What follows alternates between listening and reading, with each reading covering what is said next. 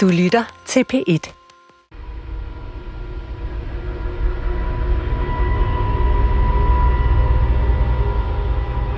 Jeg sidder her et, et 24 timer eller sådan noget.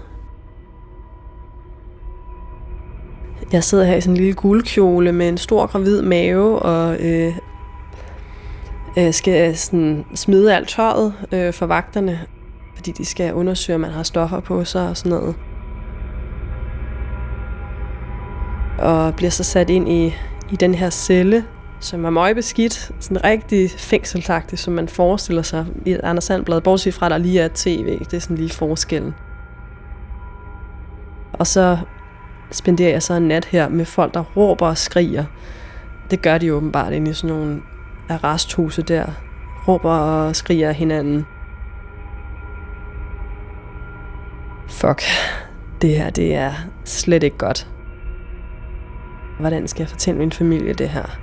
Hvordan skal jeg fortælle min familie det? Min familie, der er begyndt at stole på Jim.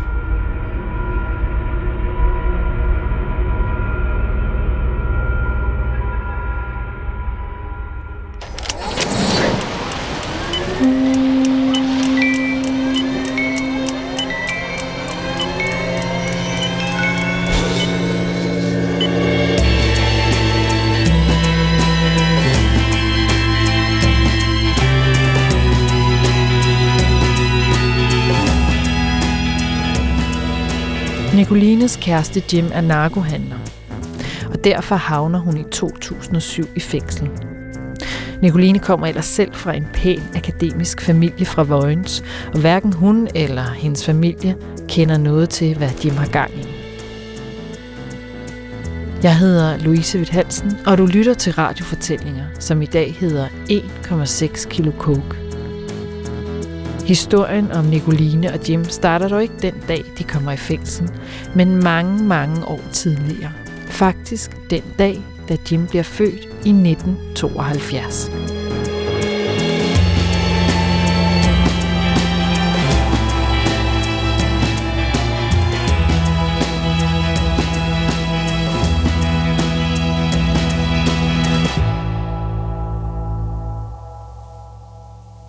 Min far han er fra Marokko, og min mor er dansker, og jeg blev født i 1972.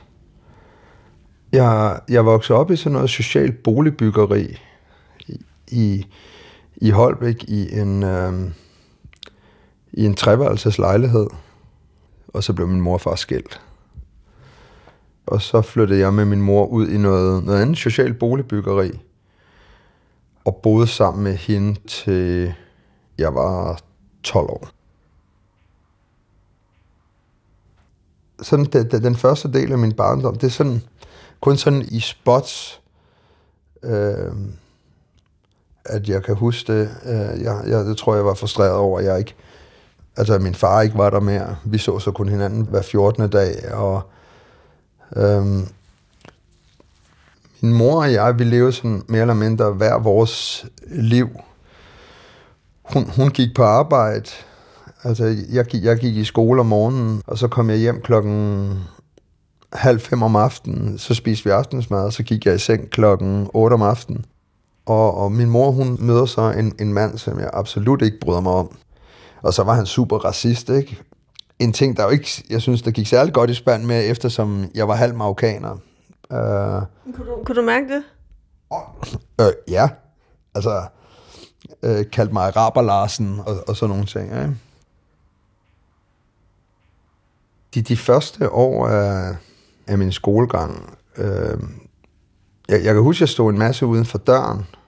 Altså, jeg, jeg tænkte bare, når der havde været forældre med, hvad der nu skulle ske, men der blev aldrig rigtig øh, sagt noget. Det var først sådan omkring øh, 3. klasse, de begyndte at sådan sætte etikette på, at, at jeg var et forstyrrende element altså stille og roligt, så øh, blev skolen jo bare sådan et sted, som jeg ikke brød mig særlig meget om, og som jeg så heller ikke gad at drøfte særlig meget. Så, øh, Hvad kunne du så godt lide at lave? Åh, jeg, jeg havde nogle små soldater, som øh, jeg, jeg hyggede mig fint med, så når, at sætte op på mit bord og, og sad, sad og lavede nogle små ting sammen med dem. Øh, så kunne jeg godt lide at lytte til øh, lydbøger. Altså, når, når, når jeg sådan kom ind på mit værelse og havde den her tid for mig selv, så havde jeg det rent faktisk. Jeg tror, jeg tror rent faktisk, det var der, jeg havde det øh, bedst.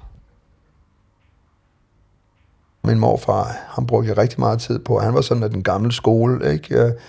De havde et, et hus kun et par kilometer fra, hvor, hvor vi boede, men, men så kom han og hentede mig, og så lavede vi forskellige øh, ting sammen. Han læste avisen for mig, kan jeg huske, fordi han synes, det var, det var vigtigt, at jeg kendte til verden. Øh, fortalte han om 2. verdenskrig, hvor han var frihedskæmper. Øh, han, han havde en sofa i 30 år, fordi den var jo ikke i stykker, så der var ingen grund til at, at skifte den ud. Og det samme med en bil. Altså, han, han var en konservativ gammel mand på rigtig mange områder, ikke? Altså, men, men om ikke andet, altså, han gad mig rigtig meget. Da jeg var 12 år, så mente min øh, klasselærer, at det bedste for mig, det var at komme på en, øh, en kostskole for adfærdsvanskelige børn. Måneden efter jeg kommer på kostskole, så dør han. Og, og han var sådan ligesom øh, mit sidste link til noget, der var anderledes. Og, øh, og, så, og så tror jeg et eller andet sted bare der, at det var lidt var mig selv mod, mod verden.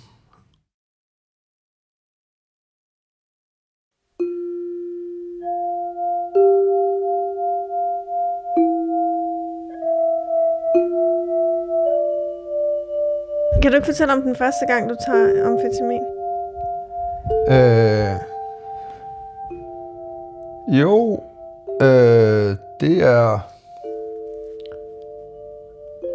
Jeg tror, det var ude på Casino Royale. Nede på deres toiletter. Hvor der var øh, en, jeg arbejdede sammen med, som spurgte, om jeg ville have noget.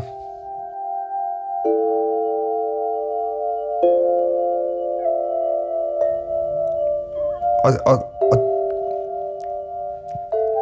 det virker rent faktisk ret fantastisk for mig.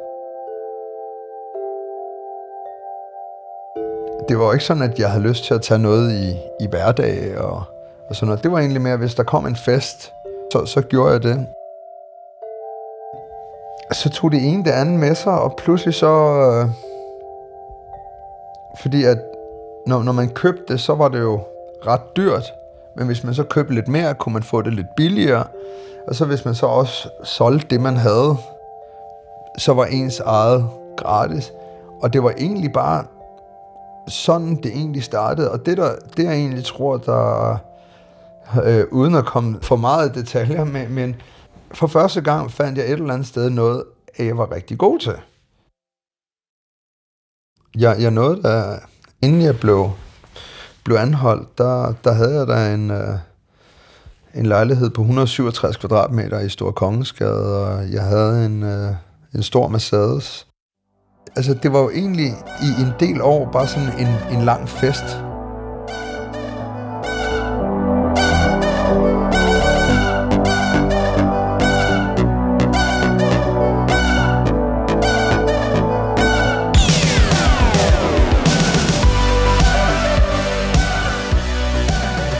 Øh, jeg er ude med nogle veninder. Vi er i byen og har det sjovt, og jeg, jeg er allerede blevet ret fuld på det her tidspunkt. Så kommer der en, en af vores fælles venner og tager min hånd og siger et eller andet, der er en, du skal møde. Og så introducerer han mig så til denne her lidt øh, bredskuldrede fyr med det her sådan lidt hårde ansigt og han tager så bare min hånd, uden at sige noget til mig. Og så tager han mig med over til elevatoren. Så øh, får jeg sådan spurgt, hvor, hvor skal vi egentlig hen? Og så, og så, så siger han, jamen vi skal da hjem til mig. Jamen, øh, skal vi ikke lige lære hinanden at kende først måske? Og så siger han, jo, hvis de virker for dig.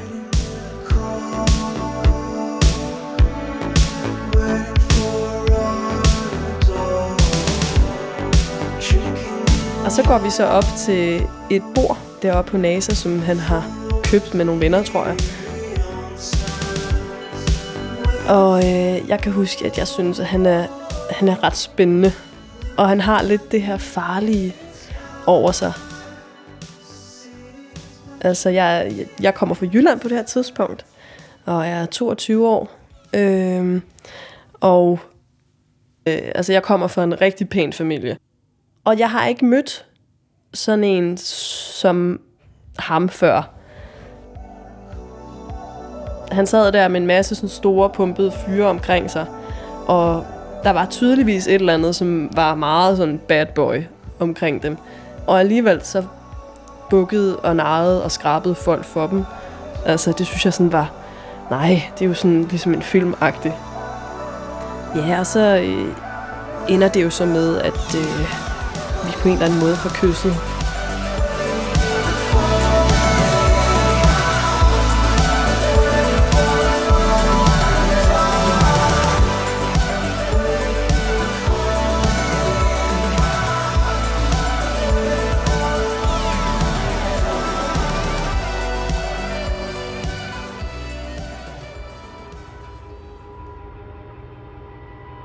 Han sagde jo, at han sad i fængsel. Det sagde han jo den første aften, vi mødtes.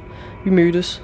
Og øh, han sidder på sin første dom øh, for handel med kokain. Han har fået fem et halvt år. Øh, og er så i slutningen af sin dom, hvor man så får lov til at få noget overlov. Det vil sige, at hver anden weekend får man, hvad kan man sige, fri fra fængslet og får lov til at, at gå ud øh, og lave, hvad man vil. Og han sagde også, hvad han sad i fængsel for. Han sagde, at han sad for handel med kokain i større mængder. Og det var han helt åben om. Men jeg sagde jo ikke, at jeg stadigvæk var kriminel. Så, så det hele er bygget sådan øh, på et korthus af, af løgne.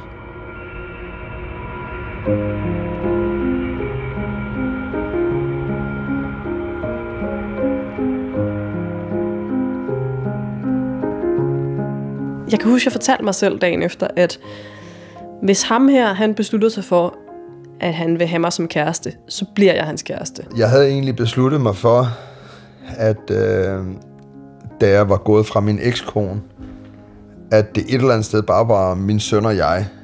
Og jeg, jeg kan bare huske, at med min fornuft, så nej, nej, nej, det, det duer slet ikke. Og hvordan skal jeg fortælle mine forældre? For helvede, altså han sidder i fængsel. Og... Men, men, men der var et eller andet helt, helt, he- helt unikt over, over hende. Det ville nok være at lyve at sige, at jeg kunne se det den første aften, fordi der var jeg ret fuld.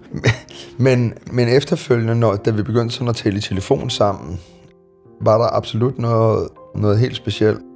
Altså, det var bare uundgåeligt. Vi øh, kunne bare ikke lade være med at snakke sammen.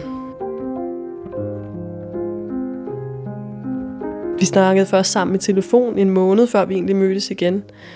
Mens han sad i fængslet, ja, så ringede han så hver dag. Til at starte med, så tog jeg den ikke så meget. Øh, men så øh, begyndte jeg så at tage den, og så begyndte vi så at snakke sammen hver dag. Og øh, så begyndte jeg faktisk sådan at synes bedre og bedre om ham. Øh, ja, og begyndte sådan at... Alle mine, mine fordomme, jeg måske havde haft i starten, begyndte sådan at falde lidt til jorden.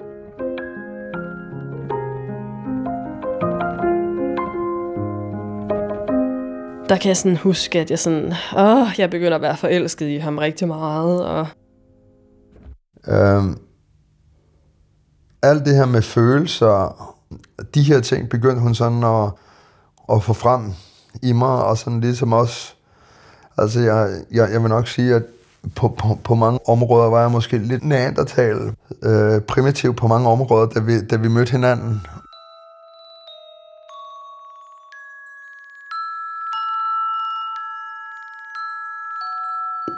Jeg kan jo godt se, at øh, vi efterhånden begynder at være ret hurtigt, begynder at være ret seriøse med hinanden.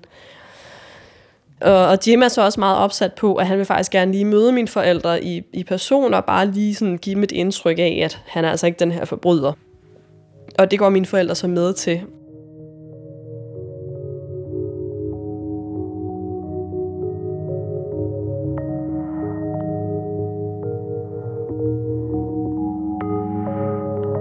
Vi skal mødes til sådan noget morgenmad nede i Vojens, i deres hus.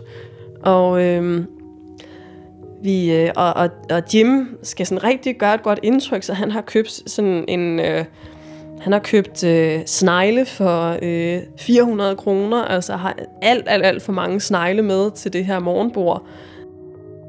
Altså, hun kommer jo fra en, en akademisk kernefamilie. Både hende og hendes søster læste øh, på universitetet, og den anden søster gik i gymnasiet. Det er jo et helt andet miljø. Jeg tror aldrig nogensinde, at de, de har mødt en kriminel, og som var 13 år ældre, og som havde et barn fra tidligere ægteskab, og, og sad i fængsel. Og, og vi sidder der om, om, om bordet, hele familien, og jeg har fire søskende, øh, så alle er legnet op om det her morgenbord, og øh, alle sidder sådan og kigger på Jim. Og så på et tidspunkt, så spørger min far, ja, hvad er det egentlig, øh, du sidder i fængsel for? Og Jim kigger sådan ned i bordet som sådan en skoledreng og siger, jeg sagde, at jeg sad inde for 1,6 kilo kokain.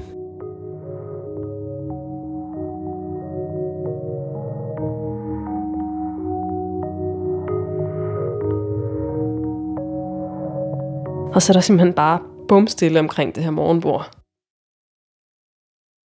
Og det, det er simpelthen på den måde, at der sådan kunne have fløjet sådan en vindheks igennem rummet. Det var så pinligt. Øhm. det, det var også sådan lidt svært at sige, nu skal I høre, jeg har fundet en niche her i livet, og det er det eneste, der en eller anden sted har fungeret for mig. Alt andet, hvad jeg har prøvet, har ikke virket. Så øhm, jeg er coke pusher. Så, så, så det, jeg fortalte dem, det var sådan den samme historie, jeg også fortalte Nicoline. At det var noget gammelt noget, og det er en ven, der egentlig havde involveret mig, og jeg er helt ude af det, og alle de her ting. Og så mine forældre, de sådan, Nå, okay, jamen altså, alle kan jo begå en fejl, så, så okay, det, det kan vi godt acceptere. Og så tager de egentlig, så tager de ham egentlig til sig. Jeg blev løsladt den 21. november 2008, efter to år og otte måneder. Øh, og øh, vi holder en løsladelsesfest, kan jeg huske. Og den... Nej, jeg, jeg, øh, vent lidt. Vi skulle giftes på stranden i Indien.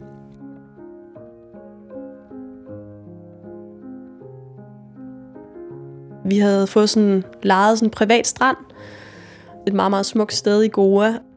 Sandet sådan er helt blødt, og palmerne næsten går helt ned til, øh, til strandkanten. Det var egentlig Jim, der havde arrangeret, arrangeret det hele. Han elsker at sætte sådan nogle events op. Så jeg havde fået sådan en sari i hvid, altså sådan en, en traditionel indisk sari, som vi havde købt på et marked dernede.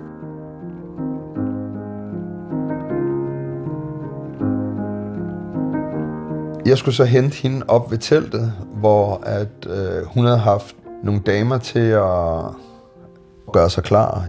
Og øh, da hun kommer ud af, af teltet, der, der er hun smukkere end nogensinde før. Og, og vi følger så ned, hvor der så er de her hinduistiske præster, og så begynder det her øh, ritual. Og så havde Jimson været ude at time det, Lige når solen begyndte at gå ned, så kunne vi starte ritualet, og det passede så lige med, at når solen var gået helt ned, så, øhm, så var vi gift. Jeg kan huske, at vi begge to var ret fascineret af, at øh, lige der, når vi har halvmånen herhjemme, er den ude i den ene side. Når der er halvmåne i Indien, så ligger den ned. Og så Venus var på himlen, som er rød, og så var der en anden stjerne. Og det vil sige, at da vi blev gift, 1. december 2008, så var der rent faktisk sådan et smiley face.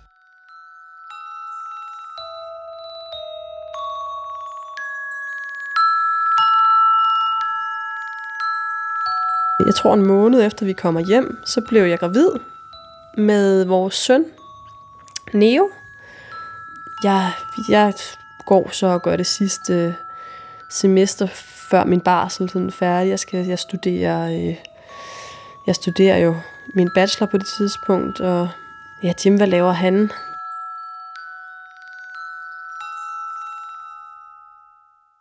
Det kan jeg ikke rigtig huske. Vi er ude at rejse hele tiden. Vi er ude at spise på restaurant hele tiden. Selvom vi har et køkken, så bruger vi det overhovedet ikke. Ingen af os kan finde ud af at lave mad.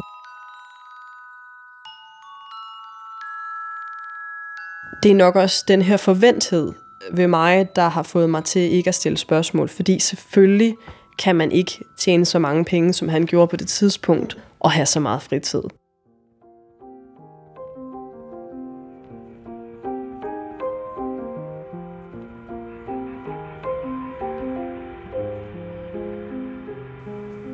Vi planlægger, at vi skal et eller andet spændende i weekenden.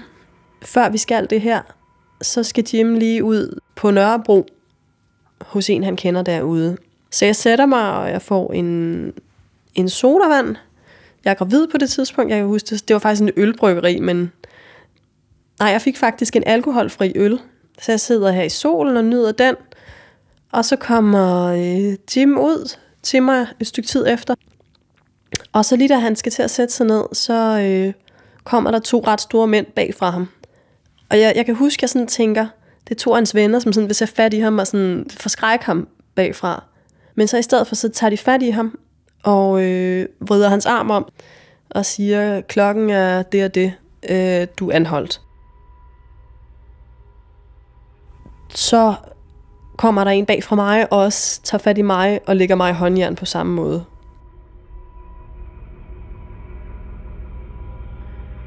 Og jeg tænker bare, hvad, hvad sker der? Hvad sker der her? Jeg kigger på Jim, da de sådan fører ham væk fra mig. Prøver sådan at læse i hans ansigt. Hvad er, den, hvad, hvad er, der, hvad er den her situation? Er vi okay? Og jeg kan bare se, at han er lige så øh, forvirret og lige så øh, meget på herrens mark, som jeg er. Så det får mig til at tænke, det er ikke godt det her. Det er slet, slet, slet ikke godt. Der kommer enormt mange mennesker ud fra den her café, som sådan stemler sammen. Sådan rigtig crime scene-agtig. Og folk sådan, nej, hvad sker der her? Og wow, og de ser mig i håndjern med gravid mave, og det må også se lidt spændende ud, ikke? Altså, øh, men jeg, jeg bryder fuldstændig sammen, så der er en politimand, der tager mig med ind sådan lidt afsides i en port, og sådan siger, at jeg lige skal sætte mig i huk og lige trække vejret. Og så da jeg sådan, har fået en lille smule ro på, så sætter de mig så over ved cafébordet igen, hvor at jeg så sidder med en anden politimand, som på det tidspunkt begynder at irettesætte mig. Og sige til mig, øh, hvad fanden er det, I laver? Dig og din mand. Hvad fanden er det for en moral, I har?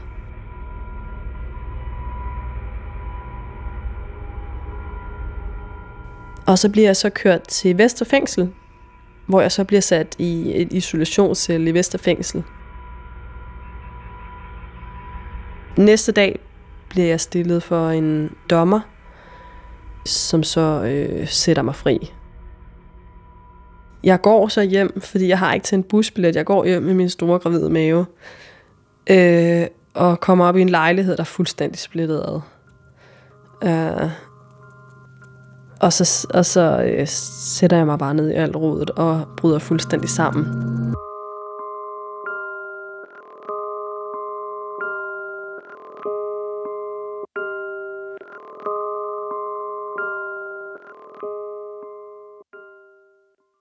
Han får en dom på 8 år. Mm. Ja. Det var også en hård dag, da han fik den dom. Øh, jeg havde nok tænkt, at det blev, det blev nok 5 år men så blev det 8 år.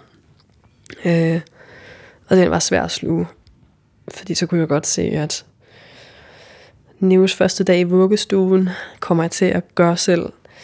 Neos første dag i børnehave kommer jeg til at gøre selv. Neos første dag i skole kommer jeg måske også til at gøre selv. Så fortæller jeg ham, jeg har besluttet, at jeg venter på dig. Men jeg venter kun på dig, hvis du lover mig, at du aldrig kommer i fængsel igen. Og så øh, lover han mig, at han aldrig vil komme i fængsel igen, og han vil stoppe sit kriminelle liv fuldstændig.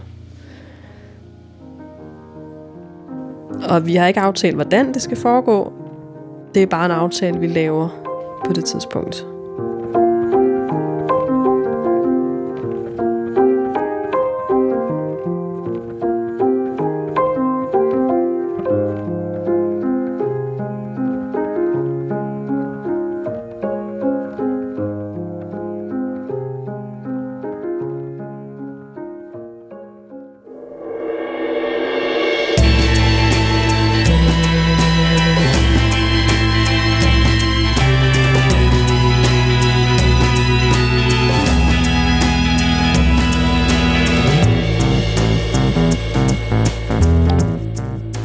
Jim kan holde, hvad han lover Nicoline.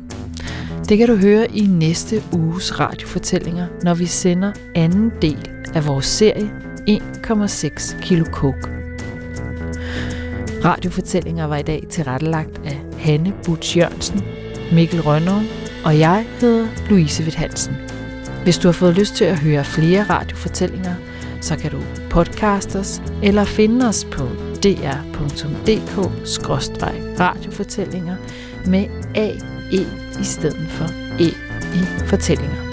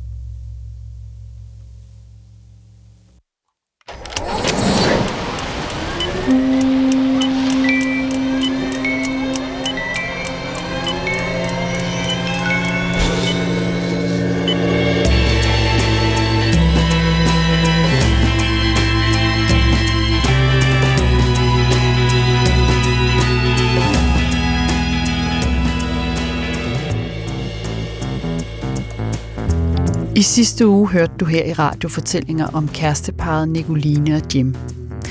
Jim er narkohandler, og Nicoline er fra en pæn familie. Kort efter deres bryllup bliver Jim anholdt, sigtet for salg af narko og dømt til 8 års fængsel. Jim har indtil nu holdt sit liv som narkohandler skjult for Nicoline og hendes familie. Med 8 år bag trammer og den kommende fødsel af deres fælles søn, ser det hele sort ud for Nicoline og Jim. Jeg hedder Louise Witt Hansen, og du lytter til radiofortællinger, der i dag sender anden del af serien 1,6 kilo coke.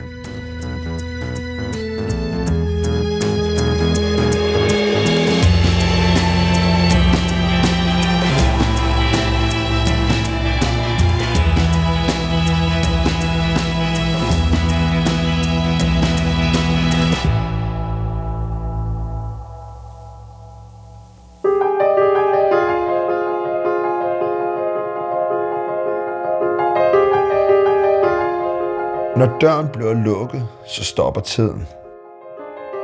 Så er det ret svært at forholde sig til, at der er en tid, der rent faktisk fortsætter ude på den anden side. Jeg vidste, jeg havde tre måneder, så skulle jeg føde. Øhm, og til at få styr på mit liv, til at få styr på min økonomi, og til at få styr på mig selv. Øh, til at komme over min krise. Jeg havde mistet mit livs kærlighed. En time om ugen kunne jeg se ham. Hvor der så sad en politimand i rummet og lyttede til alt, hvad vi sagde, fordi der var sådan noget besøgs- og brevkontrol. Så det var den kontakt, vi havde.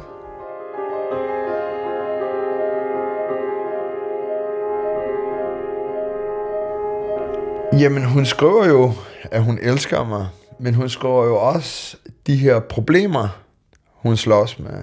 Og øh, hendes forældre har fået det at vide, fordi at det her det er sådan over pressen. Så der er ikke noget at løbe fra. De var rasende. De var tosset, øh, især min far. Nu havde de lige taget ham til sig, og havde lige holdt en flot bryllupsfest for os, og inviteret både hans og min familie, og, og så bliver han fucking taget 14 dage efter. Jamen, jeg, jeg, jeg spørger hende så, om, øh, om, om hun har overvejet at, at forlade mig. Og så siger hun, nej, men jeg skal garantere hende, 100% at, øh, at jeg aldrig kommer i fængsel igen, eller laver noget, der er kriminelt. Jeg vil jo sige hvad som helst, for hun ikke skred fra mig, men, men, men så det som et, et helt, ube, en helt urimelig opgave, som jeg slet ikke vidste, hvordan at jeg skulle hånd, hånd, håndtere. Og også fordi, at at tage en uddannelse, altså hun, hun sagde jo, at jeg skulle begynde at tage en uddannelse. Jeg vidste godt, at han havde nogle udfordringer med at læse og skrive, men jeg ved jo godt, at han er rigtig intelligent. Så jeg tænker egentlig lidt, at selvfølgelig kan han tage en uddannelse, og selvfølgelig er det den vej, vi skal gå.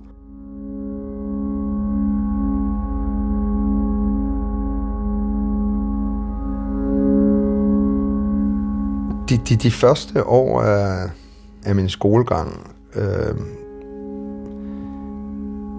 jeg, jeg kan huske, min, min, min klasselærer og jeg kunne absolut ikke sammen.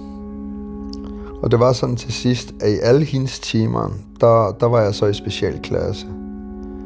Matematik har altid faldet mig let, så, så der, var, der var ikke nogen problemer. Men, men, men, men de her ting, må jeg ikke lige forstå det lige med det samme, jamen der, der, der opgav jeg øh, ret hurtigt. Og, og, jamen, og så tror jeg bare, at jeg har siddet og snakket i klassen. Det, jeg, jeg, jeg var ikke typen, der, der slogs, men jeg kunne bare ikke øh, holde min kæft. jeg, jeg sad og snakkede, eller kom med dumme kommentarer. Så, så der brugte jeg ret meget øh, tid ude for døren. Øh,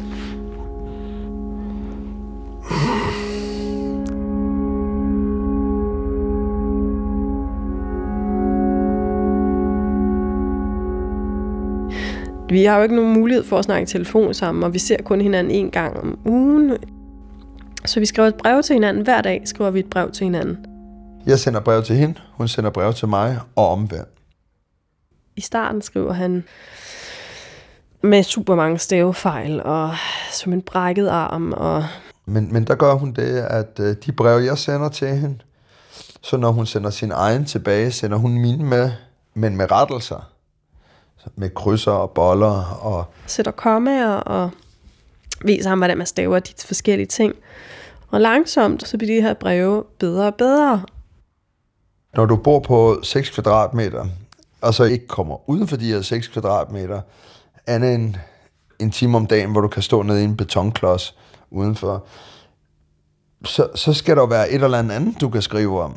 Og, øh, og så begynder han at læse bøger. Så, så jeg starter med at, øhm, at læse Narnia. Det var en bog, som øh, jeg havde hørt rigtig meget, da jeg var lille. Når man nu kendte historien, så, så var det sådan lidt lettere at, at brage sig igennem. Det tog også sindssygt lang tid i starten. Så læste jeg noget Bjarne Reuter. Så gik det lidt bedre. Så læste jeg om Gaius Julius Caesar. Han skriver om det i brevene, og er enormt engageret. Der var en ting, jeg sådan var helt op at køre over, det var da jeg læste Napoleon, at det var ham, som rent faktisk har lavet det her nummersystem, vi har på hus, at der er lige nummer på en side af vejen og ulige nummer på den anden side, ikke? Og det var sådan, hey, hi, what do you know? Det måtte jeg jo skrive til hende. Og øh, Nicoline har en kæmpe passion for Indien. Okay, nu må jeg jo sætte mig ind i, i Indien. Så jeg har læst hele Indiens historie og har øh, virkelig styr på det med de forskellige konger og hvem der, der har regeret de forskellige områder i Indien. Der synes jeg, det var utrolig fedt at, at sådan kunne skrive til, Nå, men øh, hvis du sådan og sådan og sådan, og få noget respons fra, fra hende. Når jeg står op om morgenen, startede jeg faktisk bare med at læse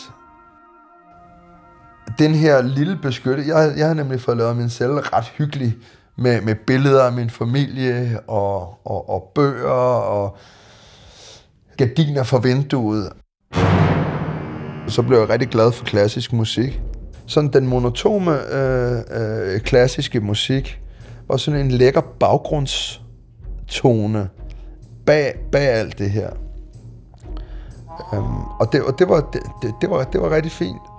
Så når jeg sad og læste, så sad jeg i min egen verden. Altså, det er jo sådan nærmest, hvis du ser en spillefilm, og så der kører klassisk musik.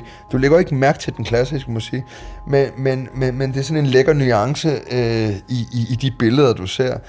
Øh, og, og det var egentlig også sådan, øh, at, at jeg så det, øh, når, når, når du sådan sad og læste om, om Alexander den store slag, ikke, så gjorde det jo ikke noget sådan dum, dum, dum, med musikken bag. Det, det, det, det spillede rigtig godt, øh, og, og, og gjorde, at, øh, at den nærmest altid stod på P2 øh, øh, på, på min radio.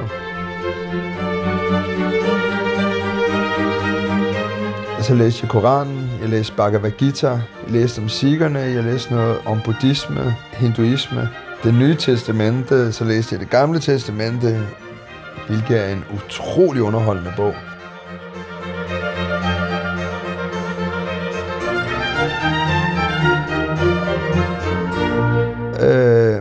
Altså, det tager mig stadigvæk lang tid, fordi jeg så senere har fundet ud af, at jeg er ordblind.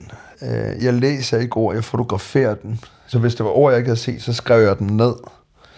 Øh, og så når Nicoline kom, så øh, fik jeg hende til at læse dem op for mig, og så sagde jeg dem en del gange, sådan så jeg kunne huske, hvordan ordet så ud en, en, en anden gang.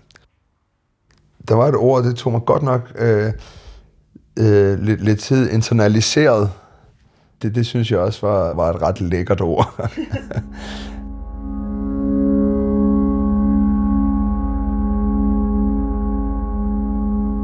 da jeg var 12 år, så mente min øh, klasselærer, at, øh, at det bedste for mig, det var at komme på en, øh, en kostskole for adfærdsvanskelige børn. Der var hele tiden to lærere, og vi er kun seks elever. Og så var der rigtig, rigtig meget gruppesnak, hvor man skulle snakke om sine problemer. Helt vildt ydmygende. Jeg synes jo ikke rigtigt, at jeg havde nogen problemer, udover at jeg ikke kunne koncentrere mig. Jeg var et forstyrrende element. Jeg havde svært ved at skabe relationer til andre mennesker. Øh, jeg havde et højt temperament, hvilket jeg ikke har haft, men alle de her ting, som ligesom fik identificeret mig som et problembarn. Forstyrrende element, svært ved at skabe relationer til andre mennesker, højt temperament, forstyrrende element, svært ved at skabe man kunne nærmest mærke, at når man sad og fortalte de her historier, jo mere man fortalte, ikke, så, oh, altså, så havde de her pædagoger det godt. Ikke? Så var det så, så, så, så var det godt. Det var, det, det, det, det, var, det var sådan rigtig fint. Der, der fik jeg diagnosen problembarn med, med stort. Så, så jeg var jo slet ikke i stand til at, og, hvad hedder det, komme tilbage i, i en almindelig skole. Så jeg kom på børnehjem derefter.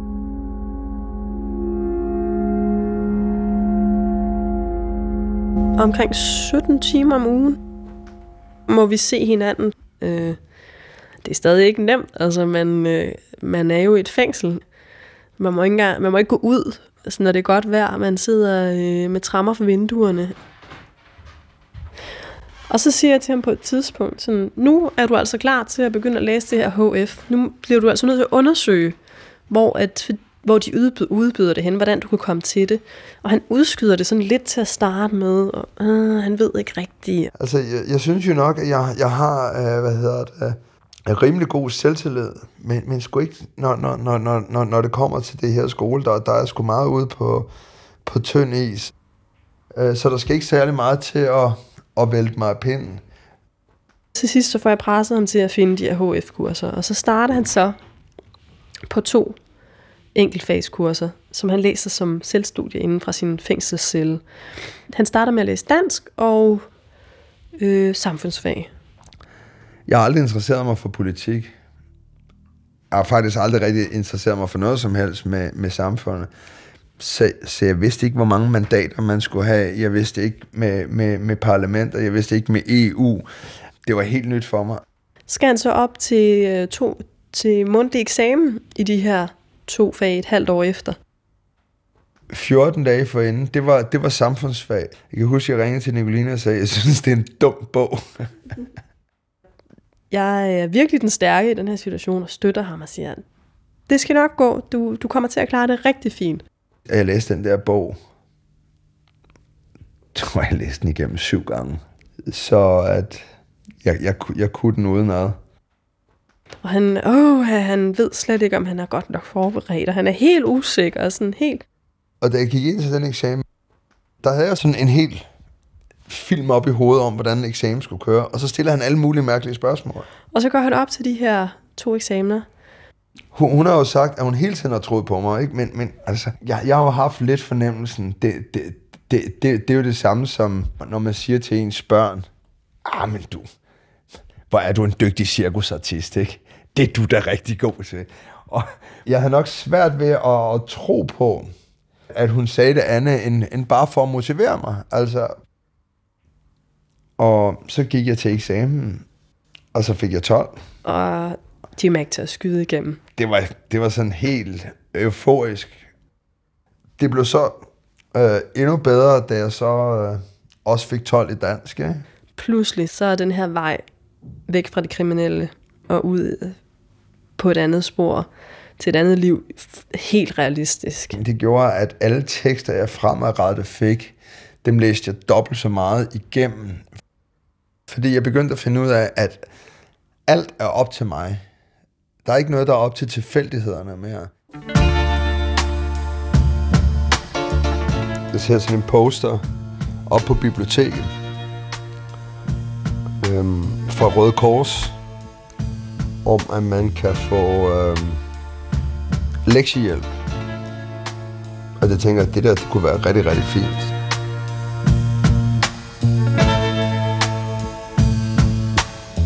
Han sad og snakkede i telefon, kan jeg huske. Kommer lige ind på gangen, og så ind på højre hånd, der er sådan en lille telefonboksrum. Og han sad derinde i sin øh, stramme hvide t-shirt med sit øh, smarte hår og store tatoverede overarm. Det, sådan øh, ser han jo ud og lignede en rigtig sådan en øh, øh, sådan John Travolta der fra Grease, sådan på steroider. Jeg tror, jeg synes, han var sådan lidt hippieagtig. Han havde sådan et, et, et kæmpe stort hår. Christoffer, han kommer frivilligt. Vi kender ikke hinanden, men han kommer frivilligt og hjælper mig. Øhm, og det, det synes jeg var helt imponerende overskudsagtigt. Bare lektiehjælp. Jeg dukkede bare op og hjalp mig nogle lektier. En, en times tid eller to. Øh, et par gange om ugen. Det var ikke noget stort ud af min kalender som studerende. Og, og i starten, der, der er det egentlig bare, at, at jeg synes, det er fedt at, at have et intellektuelt menneske sådan at, at snakke med. Så de, de første mange gange, der er det egentlig ikke sådan lektier vi sidder og snakker om. Det er bare sådan lidt, hvad han laver på sit studie, og hvad jeg, fortæller, jeg fortæller min historie. Og... Jeg havde altid, jeg husker, at jeg altid gik derfra og oplevede, at jeg egentlig havde fået mere med, end han kunne have fået med fra den dag. Ja, fordi han er så fuld af gode historier og sjove perspektiver på, en, på tilværelsen. Og så er han meget givende. Han havde altid lavet et eller andet lækkert mad, som vi skulle have. Ja. Øh, Hjemmelavet hummus club sandwiches den ene dag, og... Jeg tror rent faktisk også, jeg har lavet falafel til ham. Og noget laks den anden dag, og... Jeg tror også, han har smagt min hjemmelavede sushi. Der var altid øh, noget lækkert at spise. Til gengæld så, altså, hvad, hvad jeg har fået af ham, det er jo, det er jo helt vildt.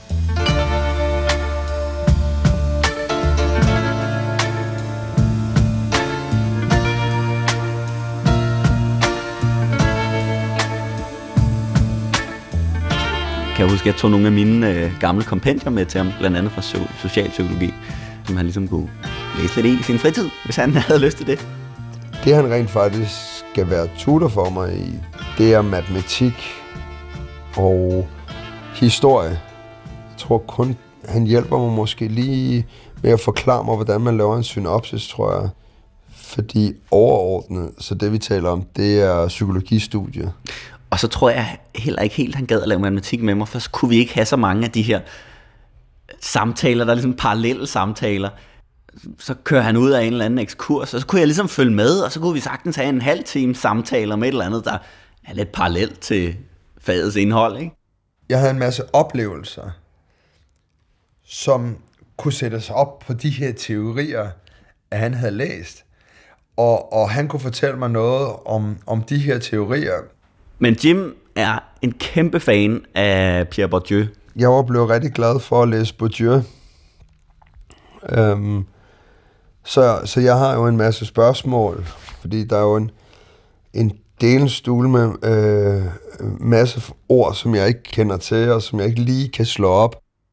Bourdieu har sådan en forståelse af de her forskellige kapitaler, der ligesom kan give os, kan positionere os forskelligt i det sociale rum, og give os nogle forskellige muligheder for at indgå i forskellige fællesskaber.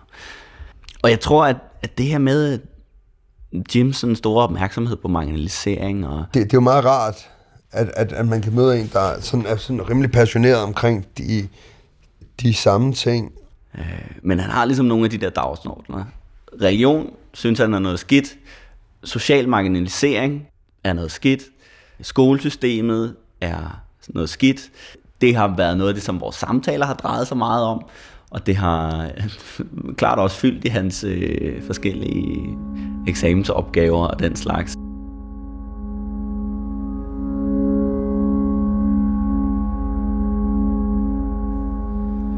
Øh, vi sad i klassen, og, øh, og så var der en lærer, der sagde et eller andet. Og så som sædvanligt, så kommer jeg jo med en eller anden tåbelig kommentar. Nå, så er det vel derfor, at din kone ikke er tilfredsstillet. Eller et eller andet i den her stil. Og så den her lærer, han går fuldkommen amok. Altså flår mig ned på, på gulvet og råber mig ind i hovedet og tager førergreb og alt muligt. Og så kommer der nogle andre lærere ind og, og tager fat i ham. Sådan, er du okay, Nils? Er, er, du, er du okay? Så viser det sig, at den her mand, hans hustru, har født to dødfødte tvillinger. Men hvor fanden skulle jeg vide det fra? Og et eller andet sted, når jeg tænker tilbage på, hvor vanvittigt er det ikke? Altså, du lærer på sådan et sted, og du ser en kollega, der, der ligger oven på et barn, som måske vejer 40 kilo, og gør en helt blå i hovedet og er ved at brække hans arm. Og, og så tager du fat i ham og siger, er du okay? Det, øh, det, det, det, det satte nogle spor i mig.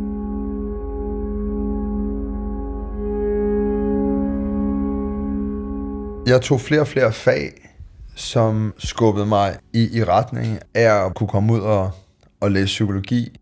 Og det krævede altså et gennemsnit på 11,4, tror jeg det var. Så skulle jeg ikke føle, at de 8 øh, år, som jeg sådan sammenlagt har siddet i fængsel, er helt spild af tid at jeg rent faktisk kan tage det som en øh, empirisk læringsproces i, hvordan mennesker agerer.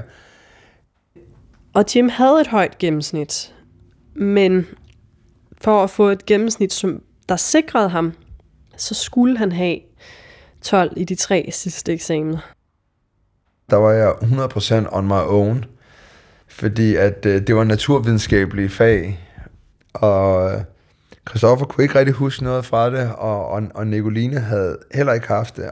Han skulle op i biologi, han skulle op i kemi, og så skulle han op i geografi, hardcore naturfag. Han havde formået at få 12 i geografi og 12 i biologi, og jeg tror, den sidste var kemi. En uge før jeg skulle op, der var jeg helt grædefærdig, for jeg synes simpelthen ikke, det gav mening. Så den kemilærer, øh, jeg havde, han holdt sig sådan en, øh, altså en dag, hvor man kunne komme og så stille spørgsmål. Og han holdt en dag for C-hold, og han holdt en dag for B-hold. Og jeg kom begge dage, og jeg tog billeder af alle forsøgene, og jeg filmede hans gennemgang. Altså, jeg, jeg har stadigvæk på min computer øh, fem timers øh, videooptaget med en iPhone. Um, og så den kommende uge sad jeg bare og så de her videoer.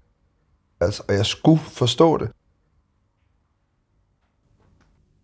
Da jeg går ind og modtager min karakter og får 12, og jeg kan gå ud bagefter og lige skal hente min ting, det er nok den, en af de fedeste oplevelser, jeg har haft, fordi der har jeg bare sådan lidt, yes,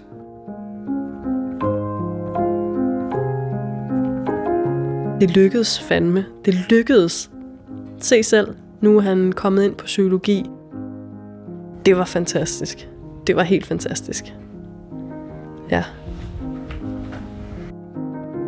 På min Facebook-væg, der, der satte jeg et billede op fra Breaking Bad, hvor, hvor der sidder den her gut med en masse kemikalier og en masse dollarsedler. Og så har jeg så skrevet, jeg, jeg, jeg fik 12 i kemi, hvem havde set det komme? Høhø. Altså, lidt i sjov med, at jeg har solgt stoffer, ikke? så, øhm,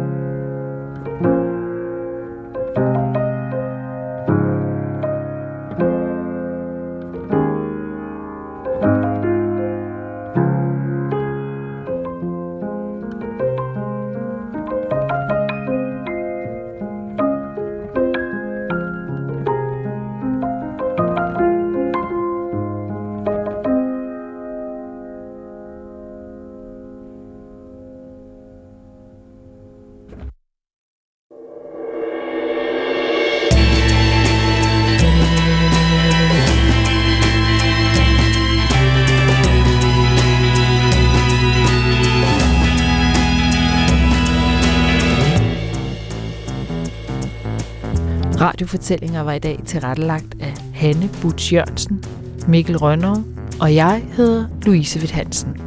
Hvis du har fået lyst til at høre flere radiofortællinger, så kan du podcaste os eller finde os på dr.dk-radiofortællinger med AE i stedet for E i fortællinger.